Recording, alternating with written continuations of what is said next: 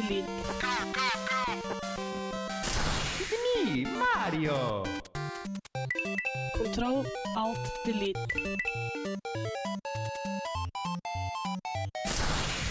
Unable to comply.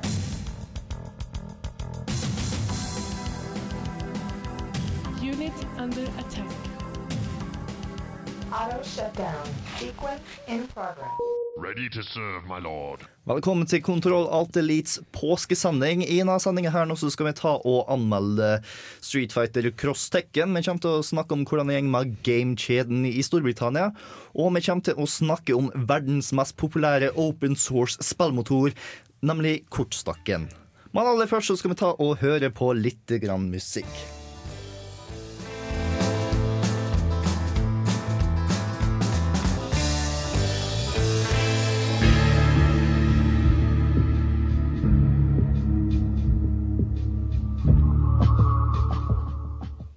Der hørte du Samantha Martin and The Haggards med Fire and Brimstone. Og nå er det ikke bare min stemme du hører her nå, nå skal du snart høre et par stemmer til. Eksempel Jens Erik Hvaler fra Filmofil. Hei, hei! Og eh, verdens mest joviale sunnmøring, Are Fjørtoft. Yes, hei. Egentlig så skal vi ha med oss eh, Erik Wiberg, men i god gammeldags kontroll alt elitestil så sitter han ute på gangen og gjør det finishing touches på anmeldelsen vi skal høre senere i sendinga, nemlig Street Fighter Cross Tekken. Yes, Det er med versus Jens Erik. Jeg liker egentlig det faktum at dere aldri er ferdig på tida med tinga deres. Nei, nei, nei. Er stilfull sein, skal jeg si det. Det er Fashionably late. Vi, hva, det kalles når du er skikkelig sånn fanatisk på å få alt perfekt? Da er du Eh, perfeksjonist, er, yes. er ordet. Og eh, Enkelte av dere vil kanskje savne Hallgeir og Thor. De har stukket vekk fra byen. De har lyst til å være andreplass enn Trondheim når det er påske. Jeg vet ikke hvorfor. Jeg men- hytter med neven og kaller dem forrædere. Yes, men hva har du spilt mens du kalte kalt deg forrædere? Eh, jeg har uh, blant annet spilt enda mer Mass Effect 2. Jeg blir dessverre aldri ferdig. Men uh, nå er jeg så langt unna. Jeg holder, på, jeg holder opp to fingre med veldig lite mellomrom eh, mellom, for dere som ikke kan se det. Jeg er straks på Suicide Mission. Jeg skal iverksette Suicide Mission uh, når jeg kommer hjem uh, i kveld, så jeg regner med at jeg blir ferdig med Mass Effect 2 uh, da. Og så skal jeg begynne å spille Mass Effect 3. Eh, jeg har også spilt et eh, fint lite adventure game som heter eh, Yesterday, som er utviklet av spanske Pendulo. Eh, veldig ålreit, kult lite sånn mordmysteriespill. PC, Xbox, PC. PC. Du da, Are? Jeg har uh, runda eh, mitt eh, kjære I Am Alive-spill på superhard mode, uh. Som eh, Det var vanskelig Altså, det var mer irriterende enn vanskelig til slutt. Eh, det var jo jævlig vanskelig, så at slik at det ble irriterende, men til slutt så fant jeg det at ja, fuck it, vi må bare komme oss gjennom. Så natt til fredag, og da mener jeg virkelig natt til fredag, så runda jeg det. Eh, og så begynte jeg å øve på Fifa, for jeg skulle melde meg på NM, i- NM-VM i Fifa. Eh, problemet var det at eh, invitasjonen min, eller ikke invitasjonen, men på registreringa mi, hadde visst eh, ikke gått gjennom. Eh, jeg hadde ikke blitt tatt opp, så ja, altså, det var liksom Det var ikke Det var ikke noe krav for å bli tatt inn. Det var bare det at min registrering eh, hadde aldri blitt mottatt av en eller annen grunn, så jeg hadde aldri blitt lagt opp, satt opp på Vil du, si du er god nok, vil du si du er god nok i Fifa til å kunne konkurrere i et norgesmesterskap slash whatever? Ja. Ok. Yes, selvsagt. Altså, du skal, komme, du skal være jævlig god om du skal slå meg i Fifa, Eh, men det kommer veldig an på hva type spillestil du har. Eh, fordi jeg er en typisk uh, tysk-nederlandsk spiller som er jævlig god i forsvar, eh, og så vinner ni av ti kamper ved å skåre ved hodet. Eh, det er en, en taktikk jeg har funnet ut funker jævlig bra for meg når du har eh, eh, lag med høye spillere. Tar du imot utfordringer? Eh, ja, Ikke fra meg, da. Jeg har, Ja, ja, ja. spiller ikke Fifa i det hele tatt, men uh, gamertaggen min det er vel PS3, så da blir det Arefjo. Arefjoo -O på PS3 gamertag. Kom igjen, give me a challenge. come at me, bro. It's on, bitches. Du da, Bård. Sjøl så har jeg tatt og brukt litt kvalitetstimer av PlayStation 3-en min. Jeg har fått spilt Journey. Jeg skal spa eh, spare dere tre og et halvt minutt med anmeldelse. Med bare se, Forestill dere at jeg har fin musikk bak meg og bruker ord som kunst og vakkert og bevegbart maleri. Og sammenligne, ja, sammenligne det med Team Ico-spill og alt mulig rart, og gir en veldig høy karakter. Og basically der har jo anmeldelsen min av Journey. Spill det. Det er en og en halv time, og det er fantastisk fin opplevelse. Nå skal vi høre Sir Michael Roxma, 'Out of the Jam'. They smoking some more weed? I'ma smoke weed after this take. I'ma do this take and then go get high. Damn.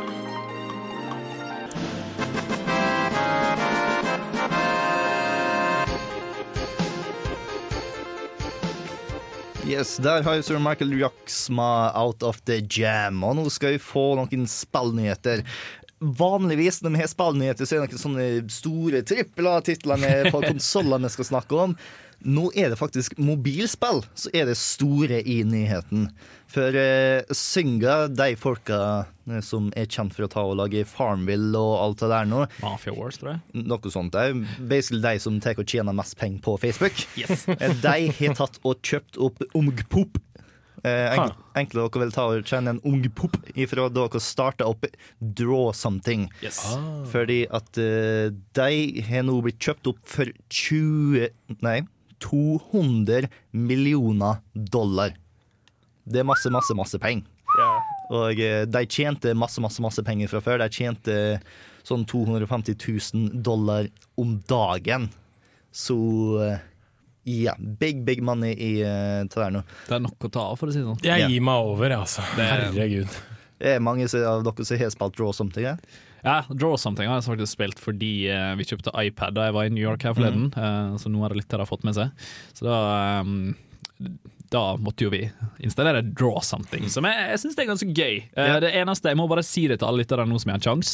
Slutt å skrive ting. Det, det er ja, ja, ja. reglene. Ja. Eh, Ikke skriv noe som helst. Det eneste jeg aksepterer, Det var når noen skrev en N, og så viste det seg å være N i et kompass. Det tillot jeg. Det var det eneste jeg Hva tillot. onomatopoetikerne? Kan man skrive bang, for eksempel? Ja. Lyd? Ja. Ja. Ja. Altså, så lenge ikke det er Som når du har en pistol, og så sier du røde streker utover noe, og så sier pju, pju. Ja. Ja. Eh, Det kan jeg godta, for det er noe man finner i en tegneserie. Mm. Så det er liksom på en måte Det, det, er, på et, det er et bilde, på en måte. Yes. Men når du skriver Ja, ja, det, det er noe du finner i en skuff. Det er liksom Mm. eh, Dette her er faen ikke mimeleik, eller hva faen. Det er draw something! Det er, Yes. det er jo det det heter. Og eh, en av folka som var med å utvikle Draw Something, eh, ville ikke bli med videre etter at han fant ut i kontrakten at uh, hvis eh, han skulle ta og bli en del av Synga, så ville de også ta over alt han har gjort på fritida. Og han har da utvikla et spill på fritida og sa nope, jeg har ikke lyst på en stabil jobb, jeg har lyst å være skikkelig kunstner og ha, beholde mitt eget. Det skjønner jeg litt. Altså, Apple har jo sånn arbeids... eh, eller så har jo den form for opphavsrettighetskrav, de også. At hvis du La oss si at du sitter La oss si at du skriver en, et dikt på jobb, og du jobber for Apple på en arbeidsmaskin som Apple har gitt deg, så eier Apple det diktet. diktet. Det er ikke ditt lenger, fordi du har brukt Apple sitt utstyr, eh, Apple sin kontortid, og ikke minst eh, du, har, liksom, du jobber for Apple, derfor er det Apple som eier det. Og jeg skjønner det litt, grann, altså, for jeg vil heller ha krav på min egen opphavsrett enn å bare måtte liksom gi det fra meg til Zynga, som er notorisk kjent for å faktisk bare ta og kopiere spillideer. De kopierte hele Tiny Tower og bare slengte det ut på, på eh, Apple Marketplace og kalte det et eller annet annet. og sa fuck it, dette skal vi tjene penger på også. Det er endollarversjonen av Yes. Activision. Ja, basically. Og eh, det er flere folk som har tjent grovt på eh, håndholdte markedet. Eh, Angry Birds Space kom ut nå for litt siden, og på tre dager så solgte det ti millioner kopier. Det er bra. ass. Ja. Og hvor mye koster vel hver kopi? Jeg regner med at det er en sånn dollar som vanlig. Ja, cirka dollar. Så ti mill. på første Ja. forsøk, og det er jo Og For å putte det i perspektiv, det finnes ikke ett eneste spill på PlayStation 3 som er eksklusivt, som har solgt mer enn ti millioner. Det nærmeste du kommer, er Gran Turismo 5, som solgte 7,5 millioner. Det er Dette, dette var vel første dagen, var det det? tre første Tre dager. første dagene. Jeg Ja. har ikke kjøpt det. Jeg har jo spilt alle Angry Birds-games, men det er sånn spill eh, Det er ikke guilty pleasure engang. Det, det har begynt å bli en plikt. Litt som Tiny Tower. Ja, litt sånn, må bare få det unnagjort, liksom. Seks kroner koster Angry Bird Space på Ja, det er uh, Android så det er 60 mill på tre dager. Ja. Dollar, by the way. nei, krone. krone ah. Ja, seks, Seks kroner, Ja. ja. Eh, sjekka den Nei, nei, jeg tenkte på uh, Ja, selvsagt. Min feil. Yes, og eh, skal vi se, det var noe mer smart. Skal jeg- Jo, t- casual-spilling. Det er ti millioner folk som kjøpte det på dag én. Hva sier det om hvor casual casual-spilling er? Når eh, mora di tar og kjøper et spill på dagen, Akkurat som eh, folk som har venta lenge på Skyrim, kjøper Skyrim på dag én. Altså, jeg, jeg har aldri vært imot casual gaming, egentlig. Eh, det jeg har vært imot, det er at casual gamer skal forbindes med gamere. det har jeg et problem med. Eh, men for all del, jeg syns det er kjekt at eh, Er det Rage det firmaet heter, som lager Angry Birds? Rovio. Ro, Rovio er det kanskje. Eh, og at de tjener penger uh, på et sånt uh, Jeg holdt på å si lite marked, det er jo he feil, men eh, på et sånt lite teknisk marked. Eh, det er jo bare Android og iPhone det, det kommer ut på. Eh, det er jo ikke Xbox eller eh, PlayStation eller eh, PSP eller noe 3DS og sånn. Eh, men de tjener i fett på det. Eh, dessverre så gjør Zynga også det. Så er bad guys og good guys her. Yes, og eh, da skal vi ta og høre litt mer på musikktøy. Eh, du hører nå Greenleaf med Sunken Ships her på Kontroll Alt Elite.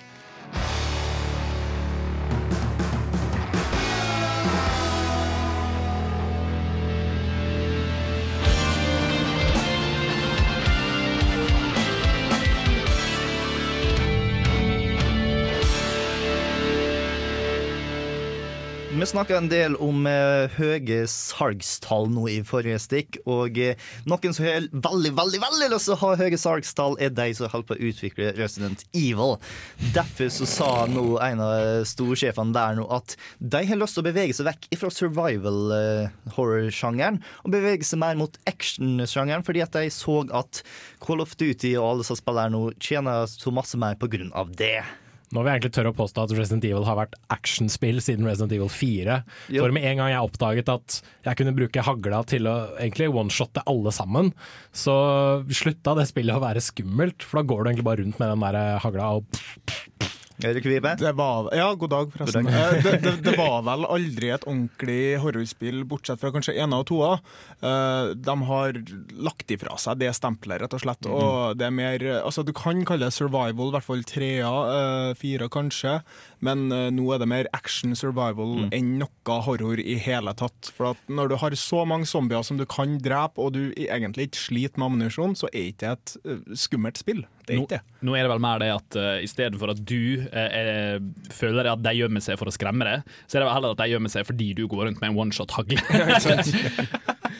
Altså det er jo litt det at ja, Skumle spill i anførselstegn er blitt mindre om at du skal bygge opp en stemning og liksom skape frykt, som det handler om at noen skal hoppe ut og rope bø. Nei, altså du har nisjespill sånn som Amnesia og det Ja, spillet det er du genuint skumle spill, men Ja. jeg tenker liksom de mer mainstream Det Resident Evil, Dead Space, budget. sånne Ja, ting. ja. Det er bare sånn øh, ja, sånne ja, type det er spill. sant. Det er sant. Uh, jeg spilte Dead Space 2 her forleden, og det klarer å bygge ei viss stemning, men det ødelegger det med å plutselig få en sånn her monster som plutselig bare dukker opp i ansiktet ditt. Det har vært mye mer spennende om det har kommet noen monster nå da hele tida, men du har hørt et annet monster som bare har vært skummelt og fucka med hele tida, fram til kanskje helt slutten av den levelen, eller der du er, da. Yes. Men fra noen som har veldig lyst til å tjene penger, til noen som må tjene masse penger, nemlig Game i Storbritannia. De har nå i løpet av den siste uka blitt sagt, satt inn i administrasjon. Det er basically at de sjefene har ikke gjort jobben sin godt nok, så noen eksterne kommer inn for å rydde opp hele sulamitten. Eh, før vi tar og beveger oss inn i denne diskusjonen, her, så må jeg bare påpeke at jeg jobber i Game Trondheim, så alt det i seg er mine personlige meninger, ikke reflektert av Game Norge eller noe sånt som det nå. Vær så snill, ikke gi meg sparken for å snakke. Men det spiller ingen rolle, for jeg jobber i jo Game, og dette her er jo bare jævlig komisk. Fordi For det første, Norge-bransjen gjør jo det helt OK. Ja, eh, sånn jeg er blitt forklart det, så Norge og Sverige og alt sånt der nå, egentlig Spiderman, som ble kjøpt opp av Game da Spiderman har Jeg, problemer jeg husker den dag i dag da det var Spiderman både på Moa og i Trondheim, eh, og så ble det bytta ut med to game. eh. Ja. Ja. Sånn som du ble forklart det av The Man. Var det, den en forskjell der? Nei, nei, nei, sånn som jeg er blitt forklart det av de andre som jobber på Game, så er Spiderman en ble kjøpt opp og fikk slengt på seg klistremerket Game i stedet. Det er teknisk sett et datterselskap i stedet for det samme selskapet som nå har problemet. Så vi har en helt annen økonomi, vi har andre lager etc. etc. Vi tar og for mista et par sånne iTunes-kort og alt sånt der, fordi at det fikk vi gjennom eh, England. Men for, for det aller meste så eh, overlever jeg fint uten England for øyeblikket. Så, så for å illustrere dette her med metafor, da. Så når eh, Game England, for å kalle dem det, eh, kommer til en spilledistributør, og så sier de 'hei, kunne vi fått spillet deres?' Så sier de nei. Men når Norge kommer, så sier de 'hei, kunne vi ha fått spillet deres?' Hvem dere er fra? Game. nei! Game Norge. Å, shut up and take my Take my games! Eh, Skandinavia har pengene på riktig plass, Yes. så uh, det er ikke noe farlig å ta kjøpet der nå. Nei, nei, nei. Uh, og IGN tok og skrev en ganske interessant eh, analyse om hvordan eh, det skjedde. Fordi at det var en god del folk som tok og klagde over at Game ikke har stort nok eh, utvalg i eh, Storbritannia for å ta og rette seg mot det hardcore, og at det ikke har godt nok eh, kundebehandling i Storbritannia uh, for å ta og få nok kunder. Og eh, det viser seg at nei, det var ikke dette som var problemet. Det var, som alt annet her nå, den økonomiske krisen i 2008. Eh, det var et gigantisk fall i uh, aksjene i 2008, sånn som alle andre, og den har egentlig bare sunket etter den tid. Det er jo logisk at når det skjer sånne økonomiske depresjoner, eh, så vil ikke eh, spill og andre luksusvarer være like ettertrakta. Og da selvfølgelig spekulerer man i at eh, de kommer til å selge dårligere, dermed så kommer aksjer til å selge i verd nei, synke i verdi. Logisk. Men det er jo litt rart, i og med at jeg kan eh, mene å si at 2008 var egentlig ikke noe dårlig spillår. Eh, Nei, nei, det var Det var ikke sånn sykt heller. men det var ikke sånn sykt heller. for- 2007 var litt sånn wow, Ja, mens det var en av de beste 2008 var bare sånn eh. Men det kan jo også ha vært det at folk utsatte det rett og slett fordi ja, kanskje ikke folk har lyst til å kjøpe spill akkurat nå. ja. Når folk driver og hopper av eh, Wall Street. Uh, Ja, Men denne nedgangen her nå i dedikerte spillbutikker tyder nå egentlig bare på at akkurat som de dedikerte musikkbutikkene og arkadehallene en gang i tida, så er de dedikerte spillbutikkene en eh, industri som har en best før-dato. Ja. Eh, vi ser at eh, det, vi beveger oss mer og mer mot nedlastbare spill, og eh, det kan hende at om et par år så forsvinner butikkene. Det kan hende at om to generasjoner så er det fortsatt der nå. Ja. Men på et tidspunkt så kommer det til å være mer spill solgt online enn offline.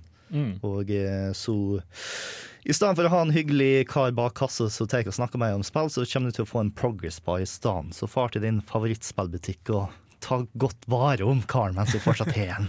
Jeg tror allikevel det alltid vil være, for, oss i hvert fall, da, som liker å sette oss inn i ting og ha noen å diskutere spill med, så vil det alltid være et lite behov da, for å øh, hva skal jeg si, ha en sånn hva skal jeg si, consumer-hjelp, om du vil, da, om ikke anmeldelser. Eller, så da, men så er spørsmålet da om det er nok til å holde på spillbutikkene. Ja, eh, Man har fortsatt forum og tilsvarende I verste tilfelle så vil jeg tro at eh, spillbutikker vil bli på lik linje, og da sier jeg verste tilfelle, som Outland i, i Norge. Ja. En veldig nisje, kanskje én i hver by, eh, men akkurat den fyller behovet for den byen, uten problem. Men jeg vil påstå at det er ikke gamerne som trenger mest hjelp med å få eh, bestemme hvilket spill, men det er mer foreldre og de yngre. Det er egentlig de har Ja, det er sant. Julesalg og sånn, ja. Selvsagt. Fordi de kan jo ikke Eller de ikke, blir vel sikkert ikke så godt kjent med det å kunne kjøpe en gave til en annen person online. Så de vil jo heller kjøpe det fysisk i butikken. Og Det er ikke måte på hvor mange mødre jeg har tatt og møtt som har fått fortalt av ungene sine at uh, da hun skal ta og kjøpe bilspillet GTA 4, og at 18 års aldersgrensen er bare tøys og tull. Så yeah. Funker ikke. nei. Nå skal vi ta og høre på Mac DeMarco med I'm a Man. Creeping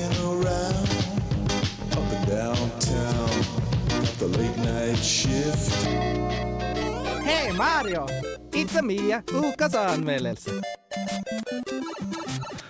Og da vet du, har vi endelig tatt og fått Erik inn ifra gangen klappa og klar med en anmeldelse. Det er sant. Eh, Jeg har anmeldt eh, fighting-spillet Street Fighter Cross Tekken. Ha det, Oken! Eh, og jeg har hovedsakelig konsentrert meg om på en måte hvor konkurransedyktig det er, langvarighet og hvor spillbart det er nå. Jeg har ikke gått noe lenger inn i det DLC-tullet som har vært mye på spill... eh, Hva skal jeg si? Spillcommunityens lepper i det siste. Det har vært mye tull med både det og Mass Effect. Jeg driter i det. Jeg anmelder spillet, rett og slett. Ja, du anmelder spillet og ikke DLC-en. Nei. My Sankyo style martial arts will save the world.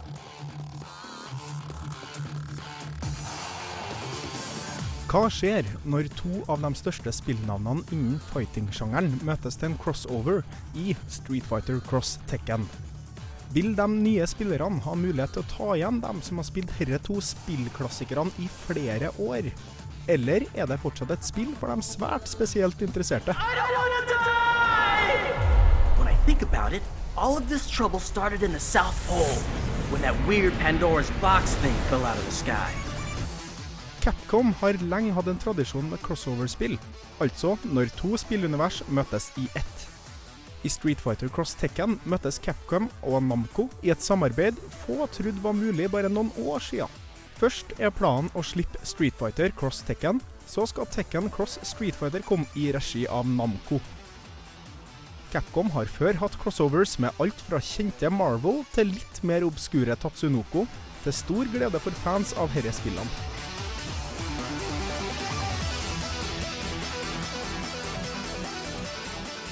Street Fighter Cross Tekken skiller seg dog litt ut. Som regel i herre crossover-spillene har man et lag bestående av tre karakterer. I herre spillet derimot er det bare to personer på hvert lag, i kjent Tekken Tag Tournament-stil. Hvis en av spillerne dine går tom for helse, så vil du tape runden. This is for you, Dad. This meathead's going down. Psycho style is gonna. Spillet har også tatt i bruk Tekkens chain-kombosystem, som mer eller mindre går ut på at man kan trykke inn kombinasjoner på den samme måten man gjør i Tekken-spill, for å få inn et ganske så godt angrep. Man har også muligheten til midt i komboen å få inn sin andre lagspiller for å fullføre angrepet. Dette får spillet til å ha en rask flyt og en djup kampmotor, og får nybegynnere til å føle at de får til stilige angrep med enkle inputs.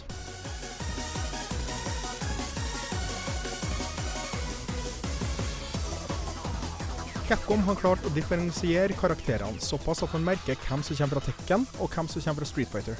Bare ved hvordan de slåss. Enkelte store forandringer er gjort for at Tekken-karakterene skal klare å hamle opp med de plasmakastende Street Fighter-karakterene. F.eks.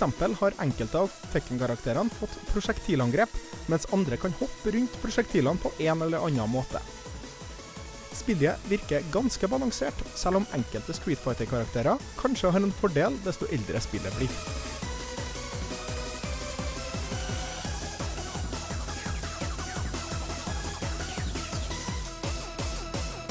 Online-biten er dessverre litt ødelagt, og burde patches så fort som mulig, og det skal den gjøres òg. Lyden detter ut, og man kan ikke spille lokal coop mot andre online. Man kan derimot spille med så mange som fire stykker samtidig på skjermen lokalt, eller to mot to, hvor man tagger inn kompisen sin. Selv om denne fireplayermodensen ikke kommer til å være særlig konkurransedyktig, er det artig å holde på med sammen med folk som kanskje ikke har spilt spillet så mye, eller på fest sammen med venner. Spillet virker som det kommer til å holde på en stund, og med noen patcher snakker vi om en av de bedre fighting-spillene jeg noen gang har spilt.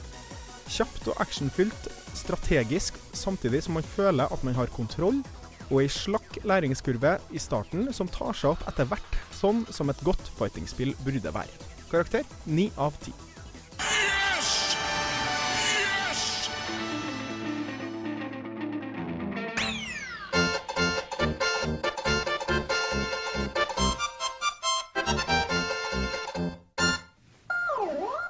Der hørte du Band of Skulls. You're not pretty, but you got it going on. Rett etter du hørte Erik Vibe sin anmeldelse av Street Fighter Cross Tekken, som er ute nå på både PlayStation 3 og Xbox 360. Kjem til PC etter hvert. Eh, Yes. Jeg tror det er en releasedato der ute en plass, men eh, det er ikke, ikke noe håndfast ennå. tror jeg ikke. Men ni ut av ti. Ja. eh, Det er en god, god, en- god, god score. Det er en veldig god score, og jeg føler jeg må forsvare den litt. For at som jeg sa, så er online glitchy. Eh, Mhm. De har gitt oss en online eh, som ikke fungerer som den skal, rett og slett.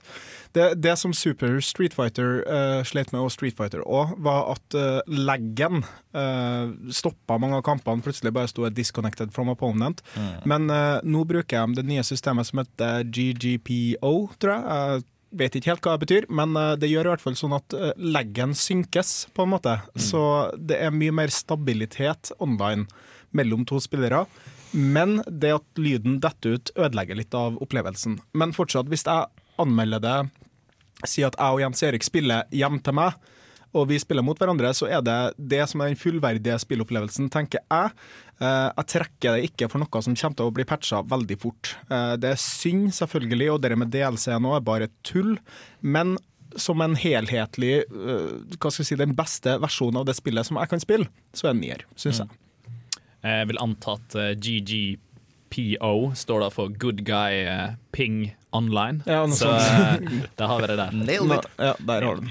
Uh, du nevnte jo ikke noe av historien i anmeldelsen din, for jeg, jeg hører at den er rett og slett batshit. Ja, altså, jeg, jeg, hadde jo et par sånne lydklipp av Dan. eh, Dan Hibiki, den notorisk dårlige Street Fighter-karakteren. Min, fa- Eh, min favoritt, for øvrig. Ja, favoritten til Jens Erik, eh, som da forteller sånn tidbits av historien. Jeg konsentrerte ikke meg om historien. For at hvordan slåssespill har noen gang hatt en god historie?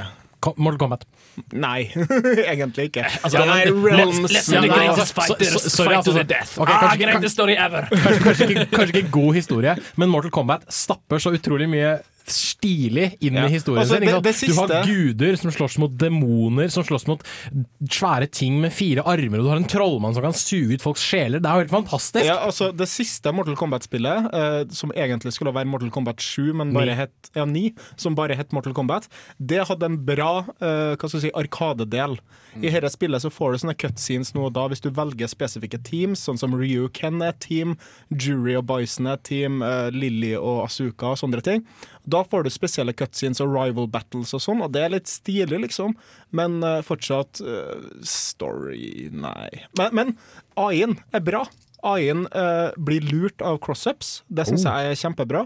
At de har klart å implementere det. For en crossup er når du eh, du skal fundere på hvor du skal blokke hen, og som regel er AI-en sånn autoblokk der. Det hefter ikke, liksom. Men her har de klart å lage en AI som simulerer en menneskelig spiller mye bedre. da. Og det er et veldig stort pluss, syns jeg. Kanskje det er én menneskelig spiller. Kanskje egentlig så er det en haug med eh, kinesere som Eh, hva jeg skulle si Jo, hvem er de som spiller Tekken og er veldig veldig, veldig glad i Tekken, ja. hvordan vil de ta og reagere på dette spilleren? da? Det er nok ganske annerledes enn Tekken. For at eh, du har det kombosystemet til Tekken som er chain combos, hvor det betyr at jeg kan trykke på sånn 1, 2, 3. eh, i, altså trykk på ene slåknappen, andre slåknappen og så en uh, andre slåknapp helt til slutt. Og det er en kombo, på en måte. Men du har også det timingbaserte fra Street Fighter som kalles uh, linking, da, som er sånn mer der, der, der. Det er, sånn, ja, det er litt vanskelig å forklare uten å sitte med spillet og vise fram, men, uh, men det er kanskje enklere for dem som spiller Tekken enn dem som spiller Street Fighter. da. Eh, Jeg tror det ble det, Jeg hørte på en, eh, en diskusjon blant noen folk jeg kjenner som har spilt dette her, da, og de eh, sa det sånn at i Street Fighter så har du få knappetrykk, men veldig Ja. mye spaketrykk. Ja. Men i Tekken så har du mye knappetrykk og veldig, mye, veldig lite på stikka. Ja, men de har nok tatt uh, Tekken moves og gjort dem uh, Street Fightery, for å si okay. det sånn. Uh, så det er fortsatt mye spakebevegelse, men uh, Tekken-karakterene har fortsatt mye av de ta uh, knappetrykkene da, Mm. i komboene sine, uh, sammen med den spakebevegelsen. Det er litt vanskelig å forklare. Men uh, det er et bra, bra sammensatt spill, og du føler at karakterene er individuelle. Mm. Eh, det er ikke bare Ryu-kloner og Dalsim-kloner og sånne ting, liksom. Ja. Så de som spiller Tekken, bør ta og vente på Tekken Cross Street Fighter, som kommer når? Ja, det er ikke jeg sikker på. De ville nok uh, slippe dette spillet før de kom, kom til å si noe som helst om det, egentlig. Ja, i Neste år er mest sannsynlig. Ja, noe sånt. Når kommer Super Smash Brawl versus Street Fighter, lurer jeg på. Capcom versus Nintendo. Mm. Cap oh, Capcom Capcom versus versus- everyone. Ja, vi får ta og snakke litt mer om fightingspill i neste runde, men nå skal vi høre på musikk. Ha! Neste runde! Yeah! Pun not intended, actually. Round one! Bolly James med Consignment. 227, Harum, my dog, can create. Round two, fight! For en luring du er som legger inn Capcom-lyden der, hæ? Yes, Ja, du- alt med vilje. Mann du Erik, du som er vår residential fighting game expert og alt mulig rart. Ja. Du ga ni ut av ti til eh, Street Fighter Cross Capcom. Uh, ja. Uh, det, nei. Street Fighter Cross Tekken, ikke Capcom. Eh, yes, for jeg skulle ta og gå innom Capcom. og Capcom versus Capcom. Ja, Capcom. Capcom har nå tatt og laget en hel haug med fightingspill. Så Ja. du har Street Fighter 4 og alle disse altså superversjonen av den. Du har Marvel vs. Capcom, og nå har du Street Fighter Cross Tekken. Ja, så hadde også Tatsunoko versus Capcom en plass oppi her. Så hvor ville du tatt og rangert sa siste par eh, Capcom fighting-spillene? Uh, jeg vil nok si at Marvel versus Capcom og Tatsunoko versus Capcom er for spesielt interesserte. Eh, det er et spill som du må sette deg veldig inn i, for at det går utrolig fort, og det er utrolig mye som skjer. Og det er mange sånne teknikker som ikke har noe i noen andre spill å gjøre, nesten. Eh, jeg vil nok si at Street, eh, vanlig Street Fighter 4 er den mest vennlige, for, eller nei. Eh, Tekken versus, nei, Street Fighter Cross Tekken er nok den mest vennlige for en helt ny spiller. Mens Super Street Fighter 4, nå Arcade Edition 2012, eh, er nok det som er, blir spilt på høyest nivå akkurat nå. Fordi at Street Fighter Cross Tekken ikke har kommet dit helt ennå. Det, er det, det er et par småting som burde Det hadde vært veldig imponerende. Hvor lenge har det vært uke? ute? Ei Ja, uke? tre uker. Tre uker, ja. Og personlig favoritt er Av karakterene? Nei, nei, av de tre spillene. Oh, ja, eh, akkurat nå så er det nok eh, Street Fighter Cross Tekken, men Super Street Fighter er, det er noe veldig Noe veldig appellerende til meg da, eh, med Super Street Fighter, fordi at det er noe det er, det er litt mer mind games uh, enn det er i eh, Street Fighter Cross Tekken, hvor det er veldig mye footsies, om det Mm. sier noe. Eh, men eh, det gjør det kanskje ikke. Men det, eller det er mer eller mindre når du beveger deg på stagen og skal prøve å få inn det ene greia som du kan linke inn i noe annet, eh, i forhold til Super Street Fighter, hvor det er mye wake-up games, som er noe Mm. annet. da. Ja, nå snakker vi veldig eh, Dere andre som ikke er så i fagterminen, hva er favorittfighting-spillet deres? Eh, du, det er, det er ikke godt å si, altså, fordi uh, siste fighting-spillet jeg spilte seriøst, og ikke på et forspill eller uh, tilfeldigvis hos en kompis i en halvtime, uh, det var vel Street Fighter 2, hvis jeg ikke husker helt feil. Når det er kommet, liksom. Så det har jeg ikke så mye. Det nærmeste jeg kommer et fighting-spill nå, er vel LOL, altså League of Legends. Så det, det blir jo ikke det samme. Jeg må faktisk eh, Jeg må gå til Nintendo. Jeg må si Super eh, Smash Brothers. eh, Ja, Brawl, ja. Ja, slåssespill! Jeg syns det. Det er det er slåss, Sorry, altså. Jeg driter i hva han er derre kan nerden på høyre side det er sier. litt mer partyspill enn det Ja. andre fighting-spill, men har, sett, har det noen gang skjedd en seriøs finale i det spillet? Det er så kjedelig. Det er fire stykker som er Meta Knight. Det, det, det er en finale. Og det, det, det er ikke et balansert spill når alle sammen er den samme karakteren.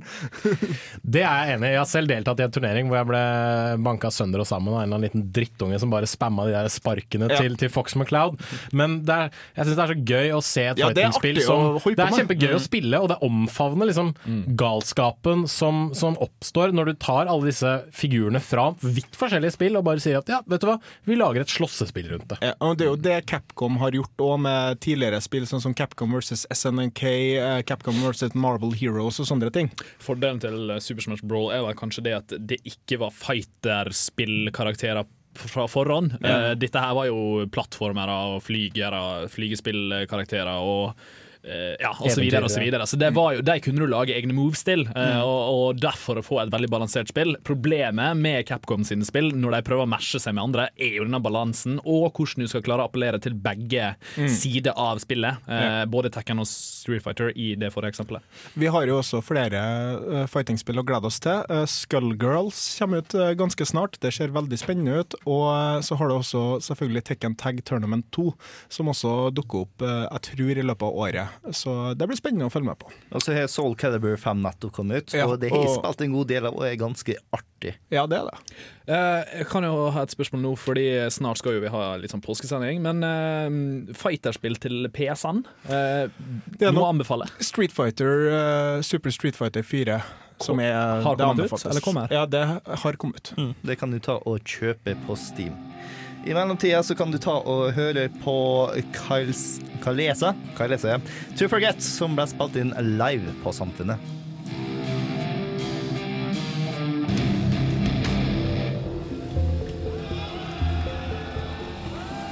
I'm Commander Shepard, and this is my favorite show on the Citadel. Yes, og Commander Shepherd har vært litt grann i uh, Kontroll sine tanker i det siste, fordi at vi har hatt en konkurranse om Mass Effect 3. Eh, Der nå så skulle du ta og finne tak i en eh, fiksjon fra dagens verden, og ta og putte den inn i Mass Effect-verden. Sånn som eksempel Blasto ble gjort i eh, spiller, eller eh, hvor de har eh, framføring av Hamlet med kun L-course. Ja, og Forestill deg Per Gynt, for eksempel, med L-Course og de der hese dudesen og kanskje litt sånn der. Mm. Det var litt stil. Yes. Og eh, vinneren ble Asbjørn ifra Sogndal. Vi har faktisk eh, lyttere i Sogn eh, som eh, tar og foreslår en remake av Escape from New York, der Snake Plissken er en citadellrase som er tøff til seg. Tøff i trynet, altså en Turian. Eh, og innenfor murene i New York så er det non-citadel-raser. Som eksempel Brain blir spilt av en Batarian, The Duke blir spilt av en Borsha, Cabby av en Krogan, og de kriminelle fotsoldatene kan være spilt av Geth-rasen. Er det noen andre som har sett uh, Escape from New York? Er eh, den med Kurt Russell? Ja, det er jo en eh, Er det en kalkun, eh, film, eh, filmofil? eh, Jens Erik? Det er en B-film. Ja, jeg vil kalle det en B-film. Det er jo godeste Godest Der, ja. Det er jo en eh, slags B-film. Det er jo godeste John Carpenter. Han har jo stort sett laget B-filmer, men uh, Kalkun, nei. Det er god underholdning. Ja, det er absolutt. det. Spesielt Kurt Russell, som da forgjengeren til Solid Snake. Ja. Jeg så faktisk eh, den filmen på nytt eh, her nå nylig, og fant ut at eh, presidenten er absolutt en Vorcha. Og eh, ta, det har faktisk fungert bedre som et spill enn som en film, i min mening. Dersom du har gjort i det av typen Bioshock, hvor du blir satt inn i en plass hvor massevis av forferdelige skjedd, og hælherma galninger rundt det, og du er nødt til å ta og utføre et oppdrag. I min mening. Ja, men Det høres ut som en god symbiose av to univers, dere. Ja. Eh, nå skal vi ta og gå over i andre time. Der skal vi ha litt påskespesial. Hvor vi skal ta og snakke om hva slags spill burde ta og spille i påsken. Både eh, analogt og digitalt. Og hva slags påskekrim som spillsjangeren kan ta og tilby deg. Eh, hvis du har lyst til å ta og nå oss på e-mail og snakke med oss og komme med spørsmål eller forslag til spillmusikk eller noe sånt som det er nå, så kan du nå oss på nerd etter radiorevolt.no. Stemmer det. Du kan ta og nå oss på Facebook på eh, Radio Revolt presenterer Kontroll Alt Elite.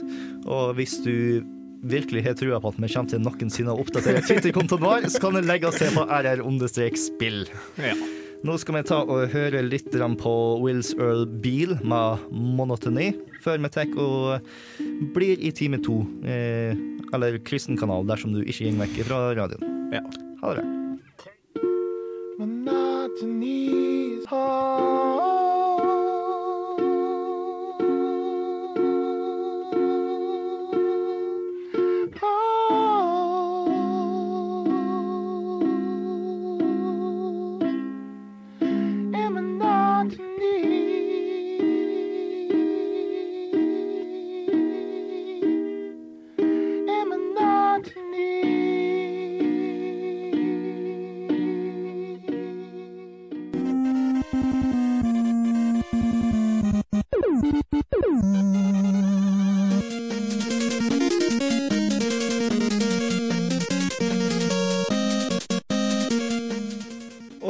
så hører du på oss og ikke kristenradio, så du gjorde riktige valget der nå.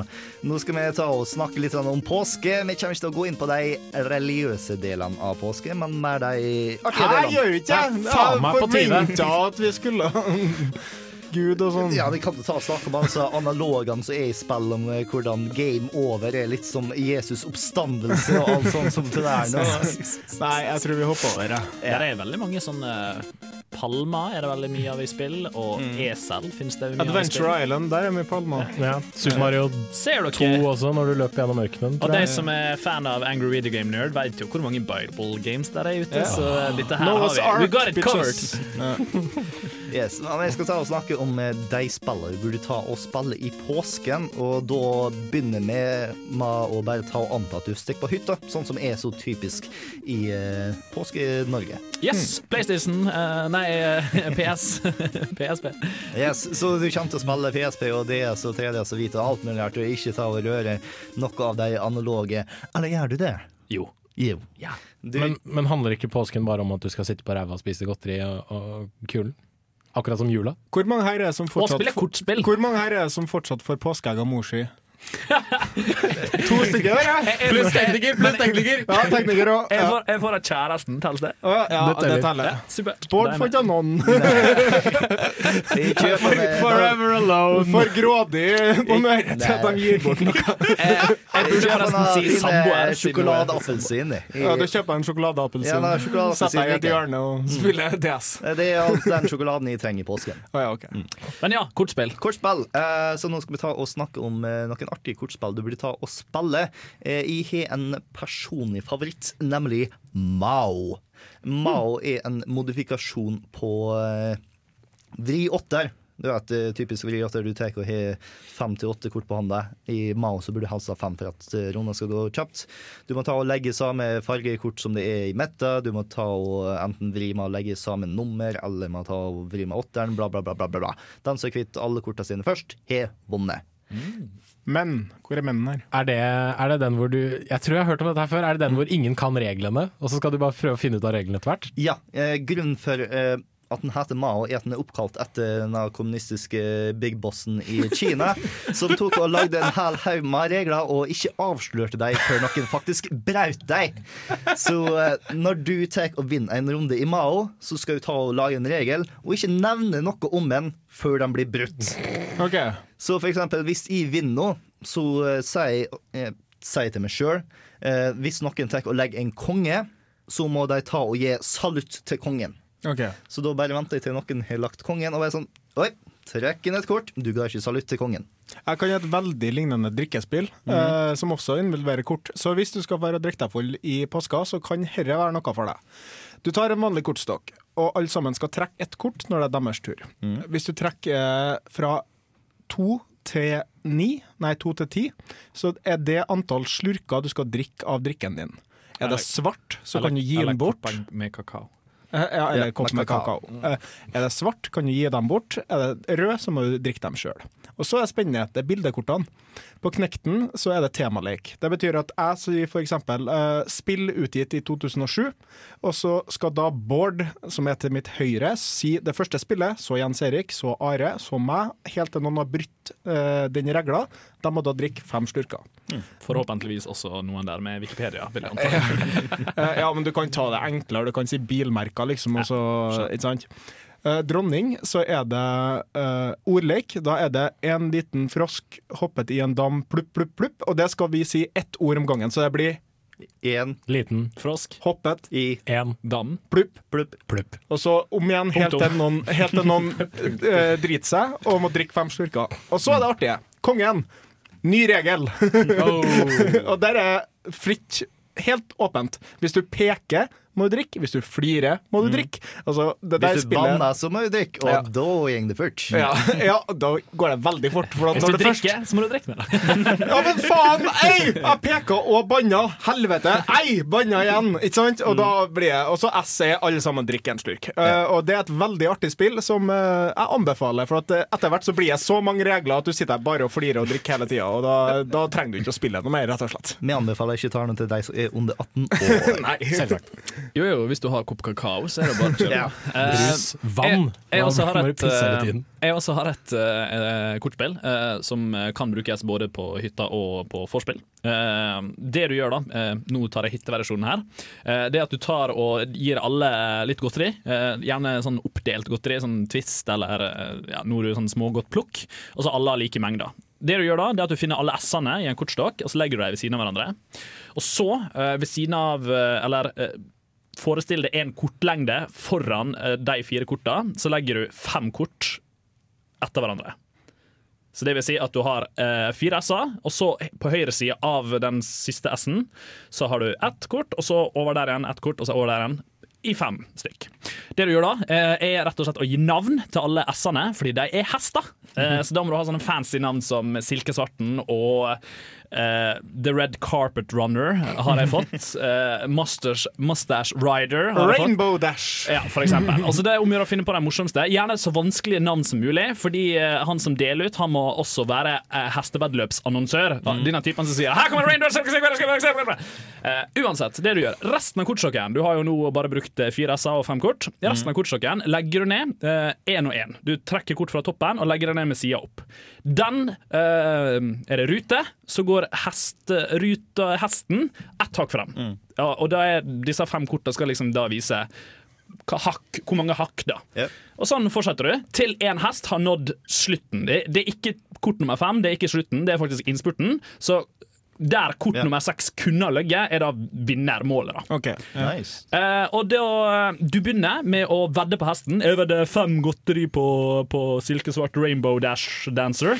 um, og så den som vinner, selvsagt, kan da eh, For det første så har alle veddemål faller tilbake igjen på det sjøl, men den eh, personen som vant, kan også dele ut sine gevinst, sin gevinst til andre. da Eller, eh, ja det, er jo, det her ble jo drikkeleken, merker jeg nå. Eh, ah, den, den som vinner, vinner alt.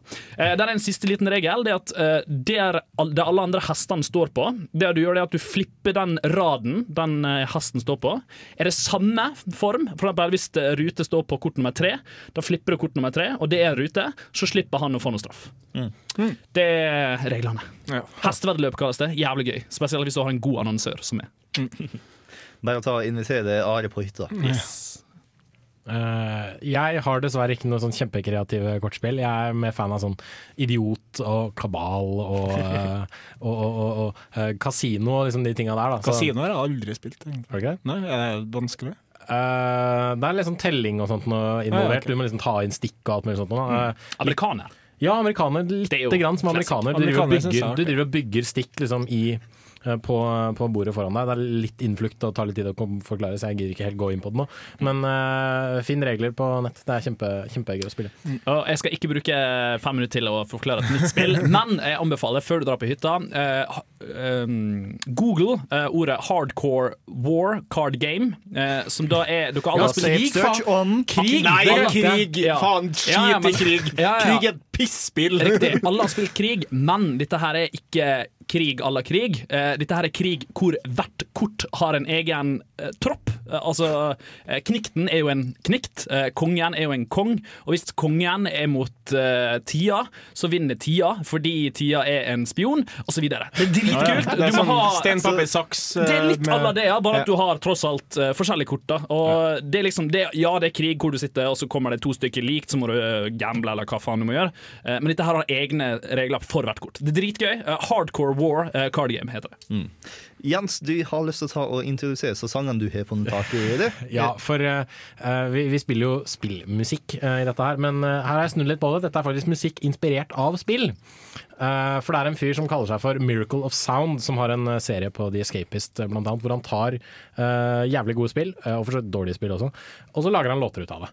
Eh, blant annet for eksempel Duke Nukem, You Used To Be Cool, eh, I Suck At Call of Duty, Wheatleys Song fra Portal 2. Og eh, da jeg snubla over den her, så tenkte jeg faen heller, dette her er jo perfekt for Kontroll Alt Elite, fordi den handler jo om eh, vår alles store kjære helt, nemlig Commander Shepherd. Og eh, jeg sier bare hør på refrenget, for det oppsummerer egentlig Commander Shepherd på den best tenkelig mulige måte.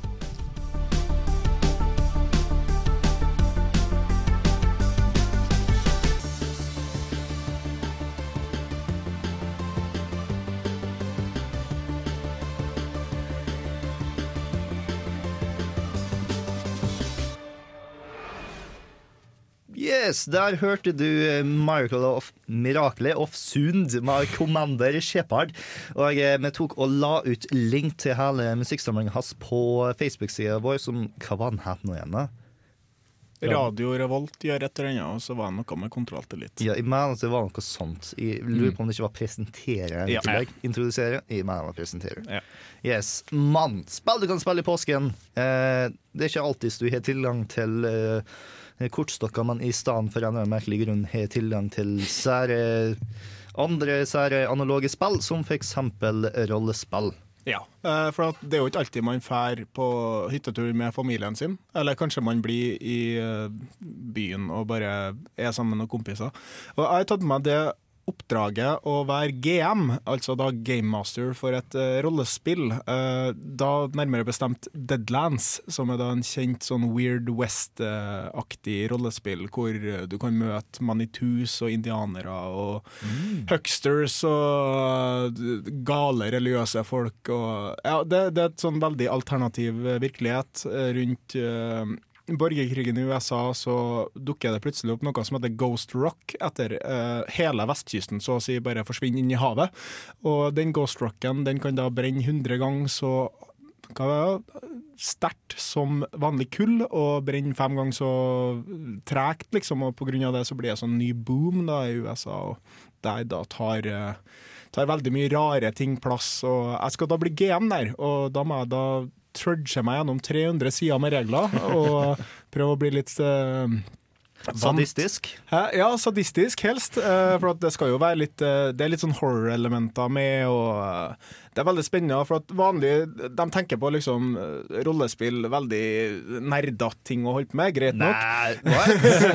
men altså sånn 100 sider terninger og sånne ting. Men her tar du faktisk og spiller poker, da. eh, For å eh, finne ut hvor bra du gjør ting og sånne ting. Du trekker mye kort, og det har veldig sånn western-feeling over seg. Vi bruker poker chips for å eller Destiny Chips, som de heter der, da, for å finne ut hvilke edger du har. Og Har du soundtracket klart, eller?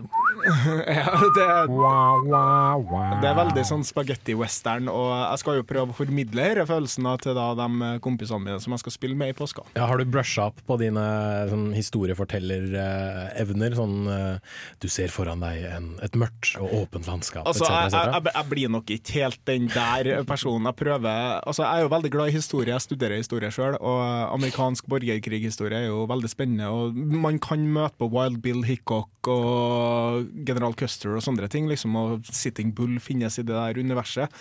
Bare at de har blitt litt galere og litt mer tullete, og kanskje de er døde og bare går rundt som uh, former selves, liksom. Uh, men det, det er et veldig stilig univers, og jeg anbefaler alle sammen, hvis du kjenner en blodnerd som kan et eller annet rollespill, ta så vær med en gang og spill det rollespillet. For det er en opplevelse som man burde prøve i hvert fall én gang.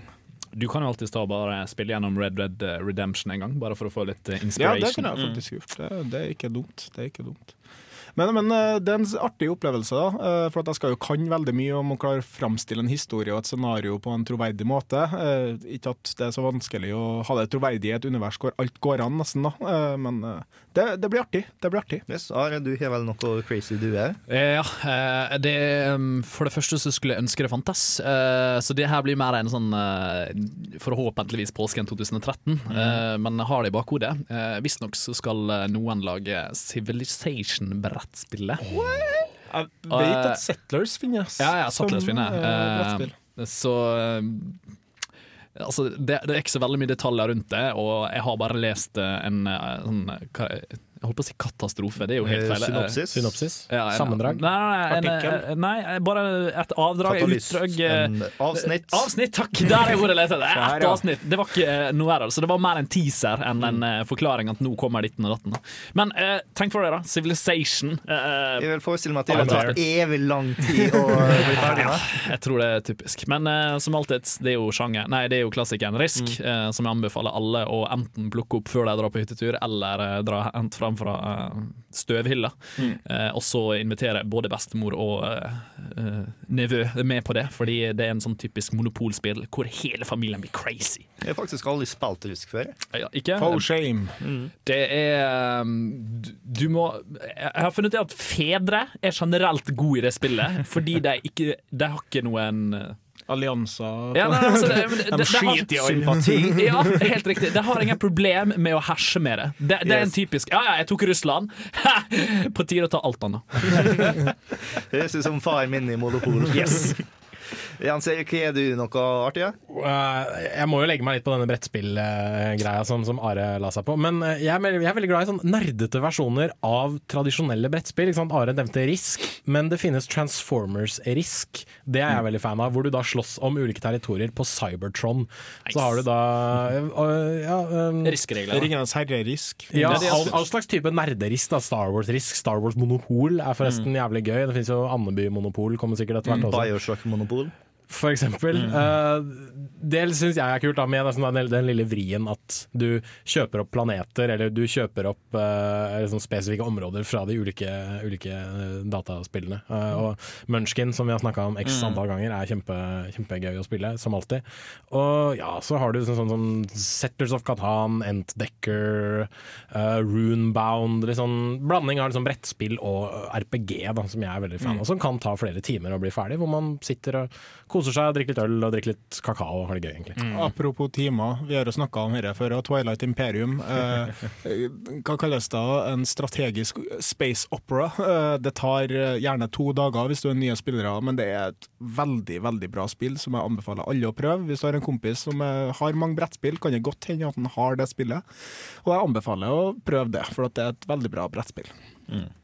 Og da har vi en eh, sang til som han Jens har funnet fram til. Ja, Det er vel ikke så mye en uh, sang som er en låt, men uh, vi går fra en romhelt til en annen. Uh, de fleste kjenner sikkert igjen piano her. Jeg har spilt piano sjøl i ni år.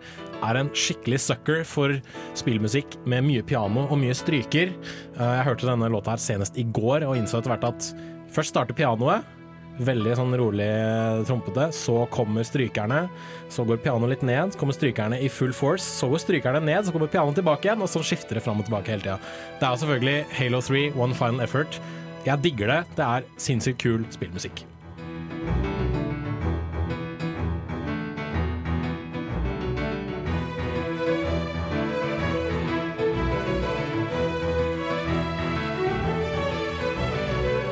Halo One Final Effort av eh, London Philharmonic Orchestra der nå, altså.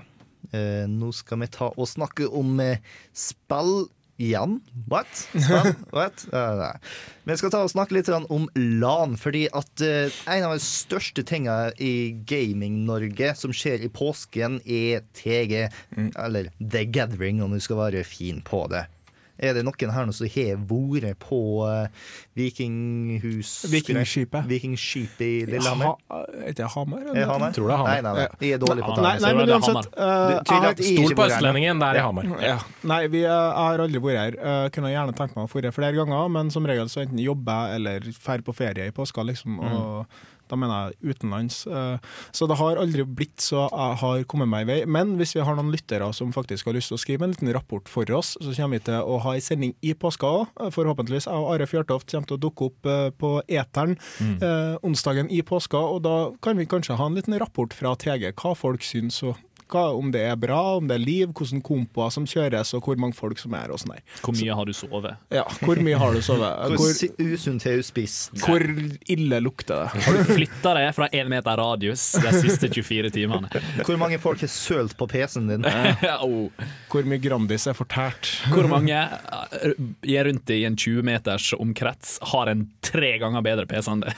Hva var den rareste pornoen du så? Fins det noen kvinnfolk der i det hele tatt? I hvert fall eh, Sondre spørsmål kan du sende til, eller svar helst, eh, kan du sende til nerd1radiorevolt.no. Eh, Vi kommer til å lese dem opp på lufta, så hvis du har noe å dele med våre enorme lytterskare, så kan du gjerne gjøre det. Ja, og Du kan også kontakte oss på Facebook. Eh, Radio Revolt presenterer Kontroll til Elite. Og så kan du si 'jeg vil skrive til eh, bla, bla, bla', så sender vi det en e-post. og- Ja. Eller ringer det, hvis du Ja. kan ringe det. Det kan vi gjøre. Telefonintervju. Flott, det. Vi har aldri gjort det før, så Skype-intervju, der har vi det. Der har Men det. det er tydelig at vi har vært på et par LAN. Ja, det har jeg. Uh, Det, det har jeg lyst til å prate litt om. For jeg, jeg husker det Den ene gangen jeg var på et stort LAN, var jo i Ålesund. Det er første gangen det ble prøvd. Jeg husker aldri hva det det heter, for det, det ble kalt noe sånn Åleland. Tekno... Nei, nei, nei, det ble kalt noe sånn teknoaktig navn. Cyberlander! Teknorami eller noe sånt. Det er sånn skikkelig weird navn. Men det var, ble, var skikkelig populært den en gangen jeg ble holdt, i Sunnmørshallen. Mm. sånn, så det var sånn stor innendørs eh, gressbanehall. Eh, og der hadde de ikke nok med at de hadde sånn LAN, de hadde sånn kjempesvær skjerm som også har på TG. De hadde også lasertag. Oppblåsbar lasertag-event. Bane. Bane, ting. Som du kunne gå rundt og betalte 100 spenn, så fikk du spille en halvtime. Det var kjempekult. Uh, og da, jeg husker, det jeg husker mest av alt, det var da at jeg kom hjem, så hadde jeg knapt sovet. Så jeg bare jeg stikker og legger meg. Dette her var det en mandag. Jeg våkna på onsdag. så Jeg har hatt- jeg var hatt én gang sjøl hvor jeg sov i 21 timer. Det tror jeg er lengst jeg har sovet noen gang. Det var etter min første interrail. Eh, Da, da var jeg skutt. 27 timer var det vi regna ut. Det, Sju, det er- ja, jeg, så, Mm. Ja, samme altså, jeg hadde visstnok uh, våkna, spist uh, middag, uh, altså sånn på senga da, som murene kom med, og sovna igjen rett etter det. Da. Så jeg hadde vært våken okay, et, et lite øyeblikk der til å spise middag. Bare, jeg husker faen Du, ikke. du sovna liksom ikke med gaffelen sånn halvveis. Sikkert bare renner med.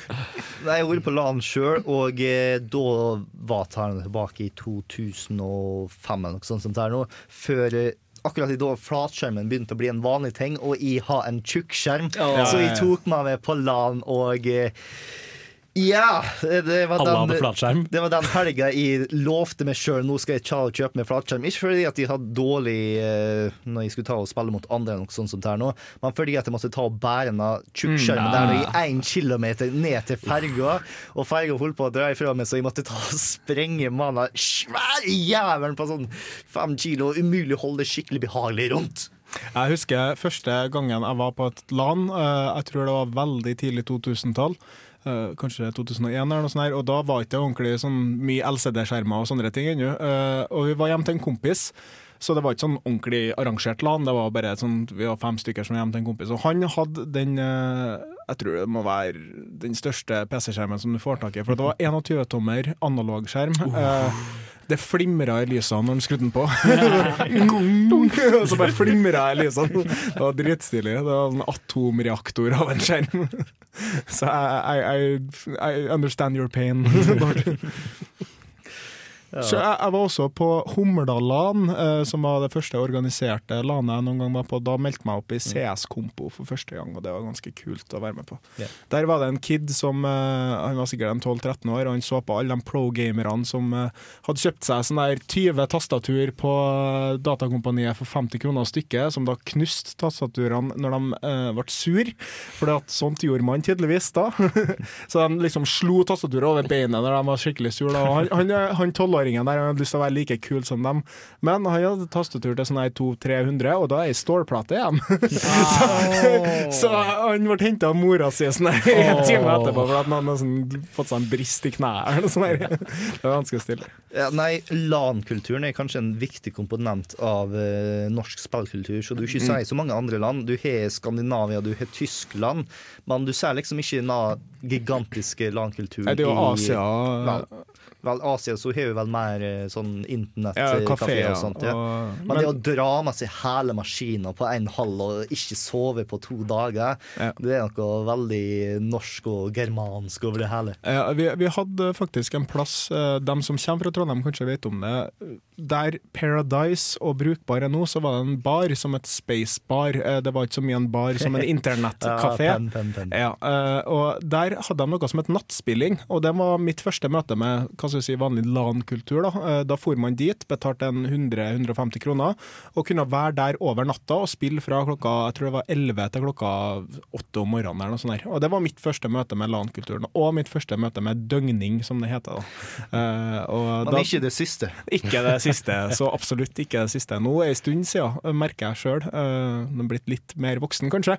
Men eh, i hvert fall, eh, da var det sånn veldig populært å spise Big One og spille CS og utallige andre obskure spill du aldri hadde prøvd før. Og eh, kose seg, rett og slett, og sovne på trikken hjem klokka åtte om morgenen. En ting jeg har funnet ut er at eh, døgning er veldig fint hvis du skal ta og rette på eh, så det Døg- søvnrytmen. ja. ja. Hvis du har fucka det opp i løpet av et par uker med dårlig oppståing og nedståing Ja, og whatever det heter, så tar du bare Oppståing. Ja, oppståing. Festlig, festlig. Så tar du og døgner, og så legger du deg i sånn åttetida om kvelden. Da klarer ikke å være våken lenger. Og så står hun opp i femtida, og så er hun A-menneske i ei uke og spiser egg og bacon til frokost. Ja, ja, ja. Alt mulig rart. Jeg hadde jo lekse sånn eh, klokka halv seks om morgenen. Jeg hadde en periode på en tre måneder sånn hvor jeg egentlig ikke gjorde en dritt, bortsett fra å spille bob. og da døgna Sånn som så mange andre. Ja, som mange andre. Og da døgna jeg og sov på rare tidspunkt. At jeg plutselig en dag våkna klokka halv åtte om morgenen og var et A-menneske igjen, fordi at jeg hadde gått rundt, på en måte. for har fått en normal døgnrytme igjen.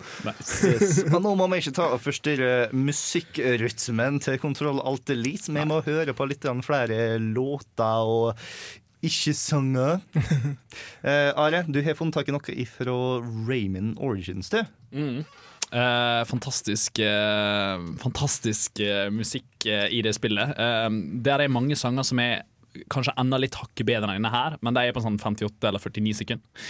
Uh, så her kommer iallfall uh, en av de bedre, som er litt lengre. Som da er Kan du si det igjen, Erik? Dessert det er Rudos. Of Didgeridoo's. Yes. Ja, Shooting. Me Silly. Eller soft, softly.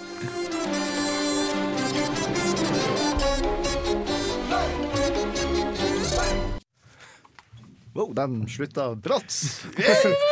Det er en herlig kazoo-historie, vil, vil jeg si. Fordi han eh, spiller mesteparten av eh, den lyden der med den lille fløytelignende tingen som lander her. Lyden. Det- Ja, jeg skal ta og snakke litt sånn om historie med au. Kanskje ikke om kazooer, men mer om krim.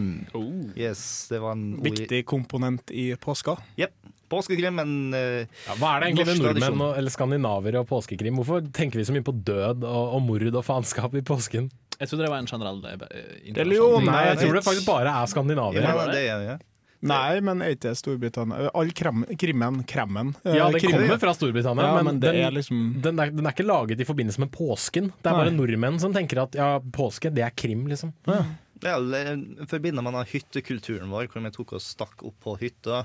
Og da tenkte liksom eh, de voksne noe å gjøre etter at ungene har lagt seg. Og da, når jeg gikk så lei av kortspill, så var jeg vel OK, satt jeg med bak stearinlys og leste litt bøker. Og krim er en av de billigste sjangrene som er i litteratur. Har jeg blitt fortalt av Ja. bokbarns eh, Vi skal være veldig glad at jeg leste krim da og ikke hadde hanky-panky, Fordi da hadde jo sommeren, nei, påsken blitt helt annerledes. Påskes Ja, men det var jo sånn pulefestival tidligere. Ikke sant? Eggs are for fertility and bunnies are for shagging. det, det er litt sant. Jeg kan begynne. Heavy Rain. Heavy Rain, ja. Oh. Eh, det er liksom den klassikeren. da Eh, Har du ennå ikke spilt det, eh, og du har f 300 kroner?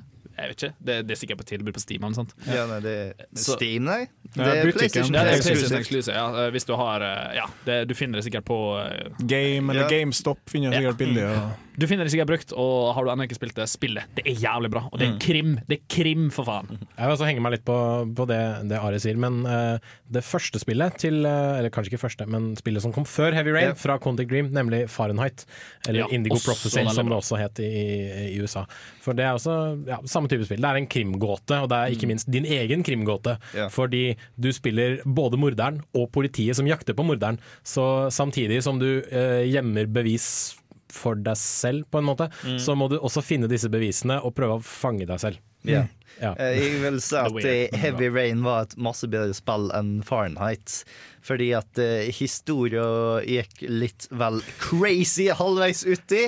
Ja. Og uh, gameplayet er basically sånn eh, Dance Dance Revolution for fingrene. Nei, ikke altså, det blir det mot slutten, men i Sånn starten er det veldig sånn yeah. I starten er det veldig sånn Du går opp til en dør, og så står det OK, trykk oppover for å åpne døren. yeah. Og så gjør du det.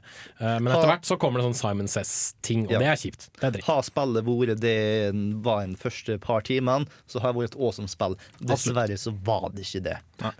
Eh, en annen spill som er awesome, sjøl etter et par første timene, er Phoenix Wright-serien. Eh, på DS, Viver og faktisk iPhone òg nå, så kan du ta og spille som eh, forsvarsadvokaten Phoenix Wright, eh, som tar og får saker hvor alle sammen er helt sikre på at den personen du tar og beskytter, er skyldig. Men nei da, du. Du klarer alltid å bevise at han er jo aldri skyldig. Nei, det er aldri. Det er det som er litt teit med Phoenix Wright-serien. Det, det er liksom Du vet at han ikke er skyldig, liksom. Objection! Eh, Phoenix Wright to, hvis jeg ikke tar helt feil. Det er riktig to. Siste case. Mm. Eh, Spoiler spoilers. alert! Spoiler warning. Hvor det viser seg at klienten din faktisk er skyldig. Uh, og da innser Phoenix at uh, nei, nei, det handler ikke om å bevise uskyld, det handler om å finne sannheten. Ah, ok. Så det er sånn. Ja, okay. Så, så da får han sin egen uh, klient Ja. til å Ja, nettopp. Han, han, han går inn for å tape ved å liksom legge fram Ja, det, det er faktisk et valg du gjør sjøl. Ja. Å ja, så du kan velge å bare ljuge? Ja, du kan okay. velge å være sånn advokat som ingen liker. Jeg husker ikke, jeg, jeg spilte jo, jeg fikk låne spillet til deg. Eh, det- det var ikke Det var første, Oh, ja, ok, så jeg har ikke spilt toeren, jeg. sikkert. Nei. Uh, og det spillet er litt todelt, så uh, halvparten av tida så er du i rettssalen, og den andre halvparten av tida så leker du detektiv og finner tak i bevis som du bruker i rettssalen. For det visstnok så er politi og etterforskere helt Udugelig, udugelige. ja. Ja. Ja. Men sa du iPhone? Ja, eh, det første spillet er faktisk ute på iPhone. Jeg tror koster Android? sånn Kanskje Android, jeg er ikke sikker. Tror men- ikke det. På tide å låne madammens uh, Jeg tror faktisk det finnes til iPad også. Ja. Oh, på tide å låne iPaden! Jeg mener på at den er veldig billig også. Kanskje 30 kroner eller noe sånt. Altså, Det er veldig, veldig billig. Det er absolutt billig. Uh, verdt det. Jeg har lånt uh, Bård sin uh, Phoenix Wright på vei fra Arendal eh, og hjem, og andre veien selvfølgelig, eh, og hadde veldig gøy med Phoenix Wright. Og det også skal jo sies, Hvis du er en av de heldige personene som har en iPad eh, med familien, eller generelt, så finnes det ufattelig mange bra spill til iPad nå. Mm. Et spill vi aldri har nevnt, så vidt jeg vet, i Kontroll litt, er Temple Run. Oh, ja, ja, ja, det Som er faktisk veldig gøy. ja, Eh, addiktiv. og veldig addiktiv, og gratis, mener jeg å si. Ja. Eh, Så absolutt eh, trenger du har du iPad og trenger ett tips, så prøv Temple Run. Eh, selvsagt, du har forhåpentligvis allerede prøvd Draw Something, eh, men det, du trenger ikke internett for å spille Temple Run, så det er jo bare å Yes. Ja, Though Temple Run har ikke en uh, dyp og intrikat krimhistorie. Men uh, det spillet som har en dyp og intrikat krimhistorie, er Broken Sword. Uh, særlig da eneren og toeren. Eh, svært, svært gode point and click-spill. Mista litt tråden i treeren, datt du av litt og ble litt 3D og litt sånn der. Eh, jeg er veldig glad i sprites og 2D-animasjon, og særlig da i hvert fall kobla med en god historie, sånn som Broken Sword var.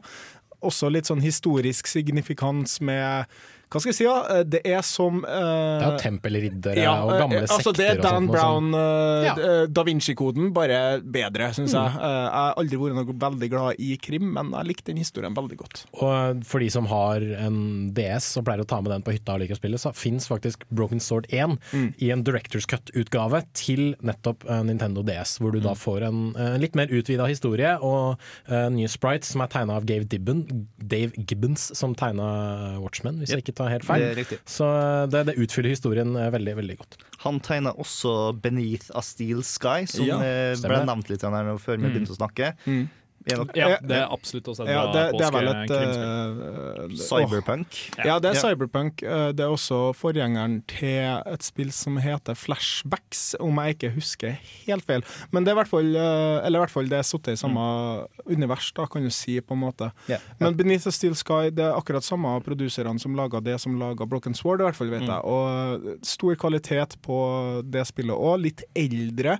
Du må nok kanskje finne en sånn MS-DOS-emulator for å spille, om Det jeg ikke fins nok på helt Good. Old Games. Ja, faktisk okay. gratis. Og Broken. Sword, uh, Broken Ja. Sword, de to første får du i en sånn pakke på Good Old Games. Beneath a Steel er faktisk gratis på eh, Good Old Games, hvis jeg ikke tar feil. Så hvis du har lyst til å bruke PC-en til litt sånn påskekrim, så er det en alternativ. Og for å bare slenge med et gammelt spill til, Syndicate, er også veldig bra. Mm. Sånn eh, litt krimaktig, litt sånn eh, psykologisk uh, spill. Jepp, jepp, jepp. Eh, nå har du funnet tak i noe mer crazy musikk her nå, Are. Eh, Ja, hvem er av denne her gangen? Syru, BGM, parentes et eller annet. Ja, det stemmer, det stemmer. Deep Eh, ja. Dette her er et uh, spill uh, tviler noen av oss uh, Eller oss, sier jeg. Jeg har jo selvsagt hørt om det. Uh, problemet, nei, Saken med denne saken her er at han, han som lager spillmusikken til denne, her er veldig berømt i, i Japan? Japan, ja. Mm. Men ikke sånn typisk Selda Mario, eller selv ikke J-pop, nei, JRPG-spillet heller. Han er, har en egen liten nisje av Arkadespill og eh, Nintendo DS-spill sånn typisk ikke sånn svær fyr, men som Mm. er jævlig flink. Uh, og spesielt denne sangen her er dritkul, uh, og er til da et spill som Du må nesten si det. When the seagulls cry. Yes, det er den uh, da engelske oversetten av det spillet. Det fins ikke på engelsk. When Eh, Steven Seagulls Cry. Men eh, du blir overraska av kvaliteten på musikken her istedenfor uh, navnet.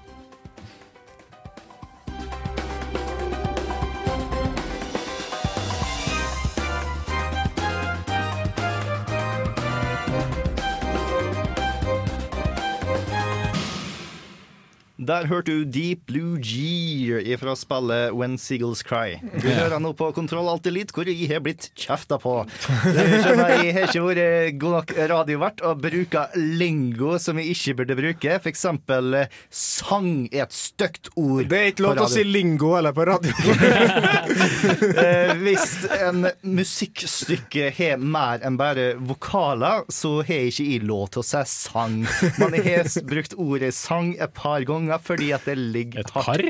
Par. Par fire. Jeg har talt dem.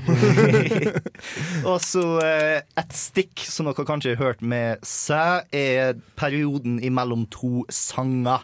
Så unnskyld for låter Radioskolen, Kontroll, Ja. Alt Elite og låter, ikke sanger. Yes. Så hver eneste gang du hører Bård eller noen andre si 'stikk', så er det bare å veive handa opp i lufta. Bare sånn Å, Bård! Det, ta så, ta så stikka. Yeah. Men yes, vi snakka om påskekrim, og uh, Jens, du eh, har spilt 'Yesterday' nå nylig. Ja, og jeg- eh, det ja. så veldig interessant ut.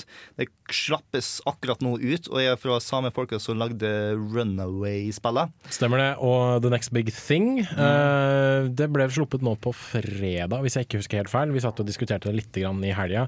Uh, også sånn type uh, mordmysterie med røtter i eh, eh, litt sånn eldgamle konspirasjoner og gamle sekter. Litt sånn à la Broken eh, Sword. Eh, godt gammeldags pek og klikk-spill, hvor du eh, Ja, det ligger jo litt i ordet. Du klikker deg gjennom eh, ting, og så skal du løse noen oppgaver i ny og ne. Um, Og så ser det jævlig fint ut. ja, det er rett og slett på høyde med en, med en moderne animasjonsfilm. Mm. Veldig god liksom, produksjonsverdi rundt. Eh, innholdet er veldig bra.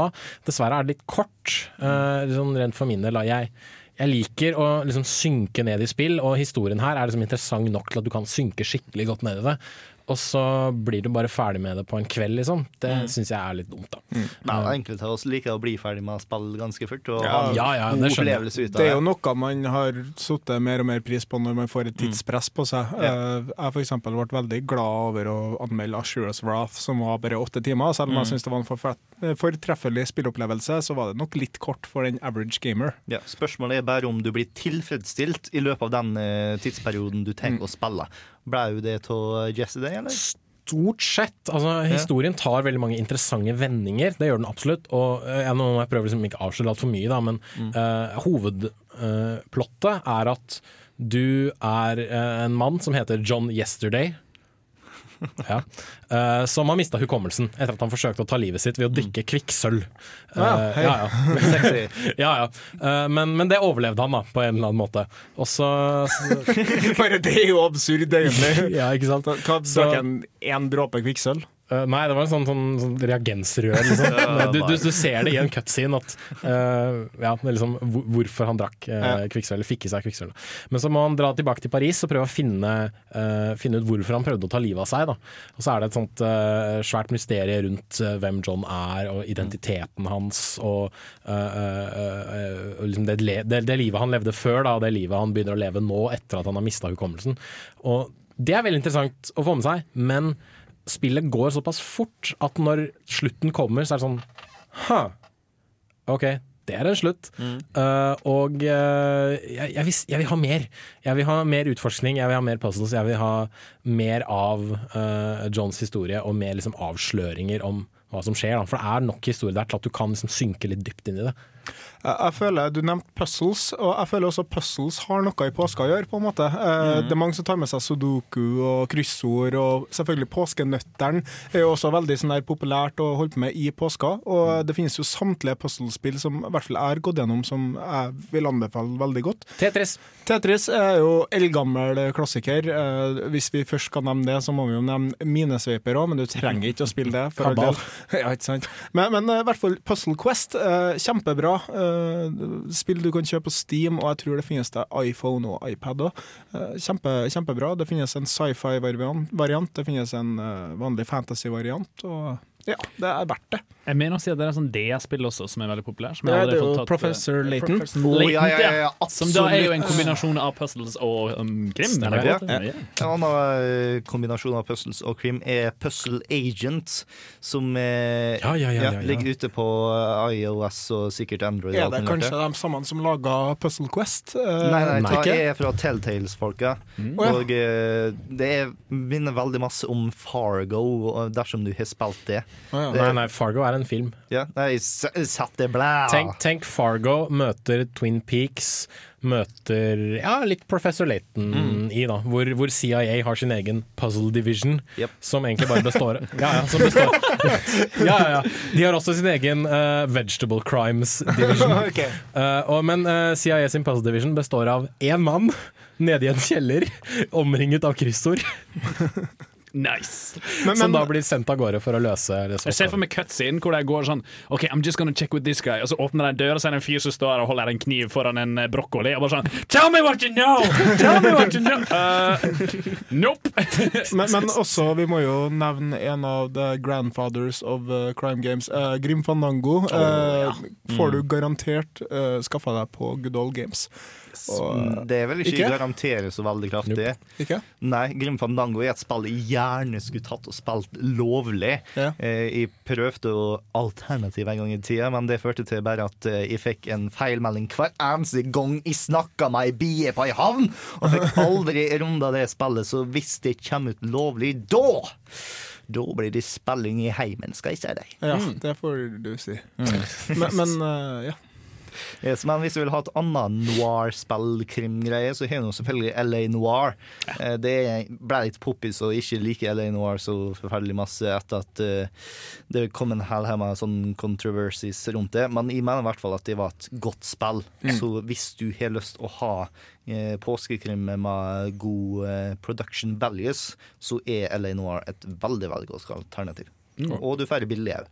Ja, og hvis du liker å kombinere eh, lesing av påskekrim med litt spilling, så kan DS-spillet 999, Nine Persons, Nine Hours, Nine Doors eh, anbefales. For der leser du veldig mye, og så trykker du på et par ting. For det, er som pek og klikk møter en, en, en interaktiv roman, rett og slett.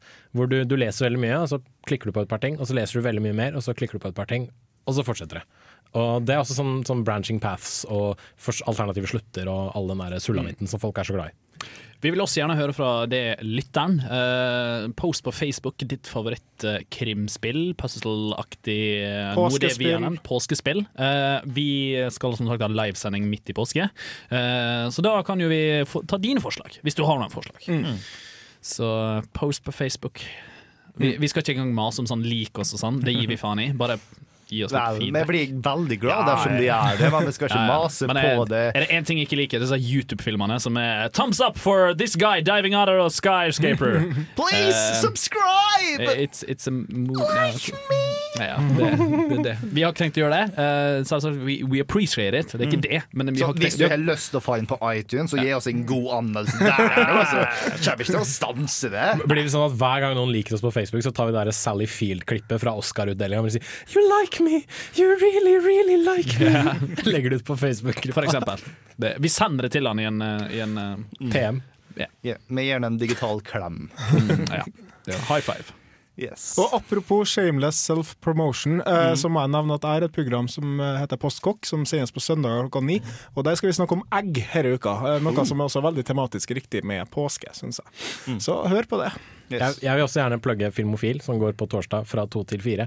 Hvor eh, vi skal eh, snakke om eh, også påsketing. Eh, litt sånn alternativ eh, påske, eller alternativer til påskekrimmen. Så hvis du er liksom lei av Taggart og Dalil og Pasco og Poirot og hva de der gutta heter, så kan vi anbefale sånn andre filmer og TV-serier som du kan se på. Og dersom du har lyst til å få en Jens Erik til å gå enda dypere inn på Yesterday, så mener jeg på at han har nå fått lagt ut anmeldelsen sin på gamer.no. Yes. Stemmer det. For eh, han er big business og får betalt for å skrive om spill og alt mulig rart, altså. Ah. Shameless plug. Ja, ja, sånn kan det gå. Men jeg, jeg prøver å komme på Er det noen dataspill med egg i seg? Jo, uh, uh, eh, det, Billy faen, Commodore, nei, det er et Commodore 64-spill. Uh, nei, Fantasy World Dizzy, hvor du spiller et, et, et egg som har armer og bein. Ja, Du har jo også selvfølgelig Yoshi's Island, Nettopp, ja. hvor det er en haug med egg som du får å pælme rundt. Og det er jo så da må vi jo snakke om harer òg. Raven raving rabbits. Ja, se der, ja. ja. Vi har også en god del gode, eller brukbare Vi har i hvert fall et par eh, Spratt-spill. Ja, Yes. det har vi. Uh, Looney Looney Tunes. Tunes-spillene. Mm. Mange av dem på Gameboy og Super Og, Nintendo. og, og Who Framed Roger Rabbit, eh, var faktisk et OK NES-spill. Ah, ja. Mm. Fantes det Gameboy ja. Ja, det er sant. Ja. Jeg lurer på om det var der jeg spilte det. Faktisk. det var kult på Game. det. Mimring, hæ? Det er herlig. Det er påsketing. det, det er en påsketing, det òg, tydeligvis. Tydeligvis. eh, Så lang tid vi kan snakke om det på radioen, så er det en påsketing. Uh, akkurat som det som skulle poppe inn i hodet mitt akkurat nå for å fylle litt av tid, men nei. Der sa jeg stikk igjen, og da får jeg bare løfte hendene. Ja, ja. Men du kan jo alltids uh, finne oss uh, podkasten vår på iTunes. Jeg vet ikke om vi har nevnt det der allerede. Ja, Eh, iTunes, eh, radiorevolt.no. Yes. eh, presenterer kontroll alltid Og på hvis du, Facebook. Bla, hvis, bla, bla, bla. hvis du har lyst til å høre sendingene i sin helhet med musikk, så kan du dra på radioarkivet på radiovolt.no. Da får du høre både spillmusikken og den vanlige musikken som vi på Radio Revolt spiller. Yes. Det er veldig likbar musikk. Mm. Eh, men nå ser det ut som vi tar og går tom for tid, så da får vi bare ta og ønske deg en god påske herifra. Mm. Eh, lar det ta og høre på The Legend of Zelda Skyward Swords Ah, eh. Loftwing Team før vi forlater. Kult spill òg. Mm. Har Anbefales. Ja. Anbefales. Kanskje verdt å spille i påsken. Mm. Ha det bra. Ha det bra. Ha det bra.